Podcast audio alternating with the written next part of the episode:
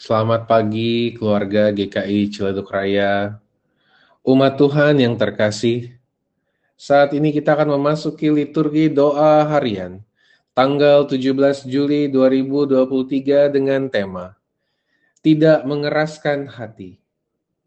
Mari kita mempersiapkan diri, mari kita berdoa yang didasari dari Mazmur 65 ayatnya yang kedua hingga ayatnya yang kelima. Bagimulah puji-pujian di Sion, ya Allah, dan kepadamulah orang membayar nazar. Engkau yang mendengarkan doa. Kepadamulah datang semua yang hidup karena bersalah. Bila mana pelanggaran-pelanggaran kami melebihi kekuatan kami, engkaulah yang menghapuskannya.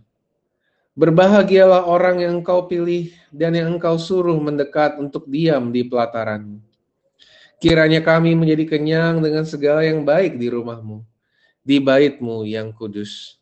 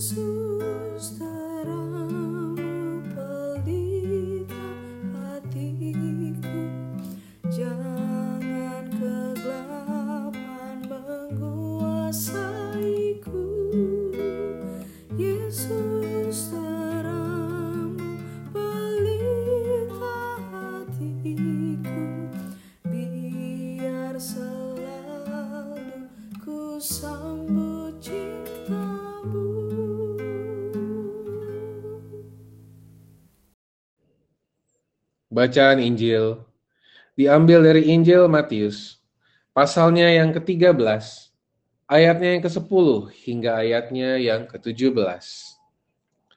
Maka datanglah murid-muridnya dan bertanya kepadanya, Mengapa engkau berkata-kata kepada mereka dalam perumpamaan? Jawab Yesus, Kepadamu diberi karunia untuk mengetahui rahasia kerajaan sorga, tetapi kepada mereka tidak karena siapa yang mempunyai kepadanya akan diberi, sehingga ia berkelimpahan.